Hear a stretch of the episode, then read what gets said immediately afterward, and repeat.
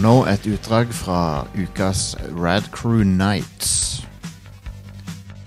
Um, hva gjør en prepper som nå ikke ender i karanteneisolasjon? Um, Hva sa du? Kan du gjenta det? der? altså, hva skal Hvis du har en prepper og du ikke er i karantene eller i isolasjon, du får ikke brukt bunkeren. Skal du putte den på Airbnb, spør han.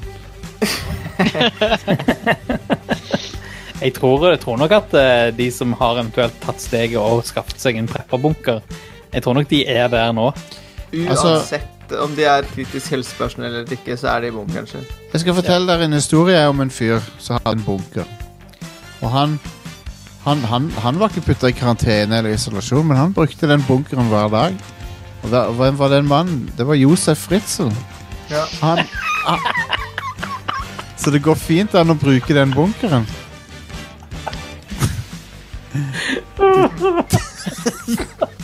Masse for formål, ja. Nei, men du trenger ikke være i bunkeren sjøl. Det er det som er poenget. nei, nei, den bunkeren bare stappe noen andre igjen. Den bunkeren ble godt brukt, og den sto aldri tom. Så det er ikke, ingen fare for det. Hvordan går det med han om dagen, egentlig? Jeg tror han er i fengsel. ja, men Jeg kan ikke skjønne det.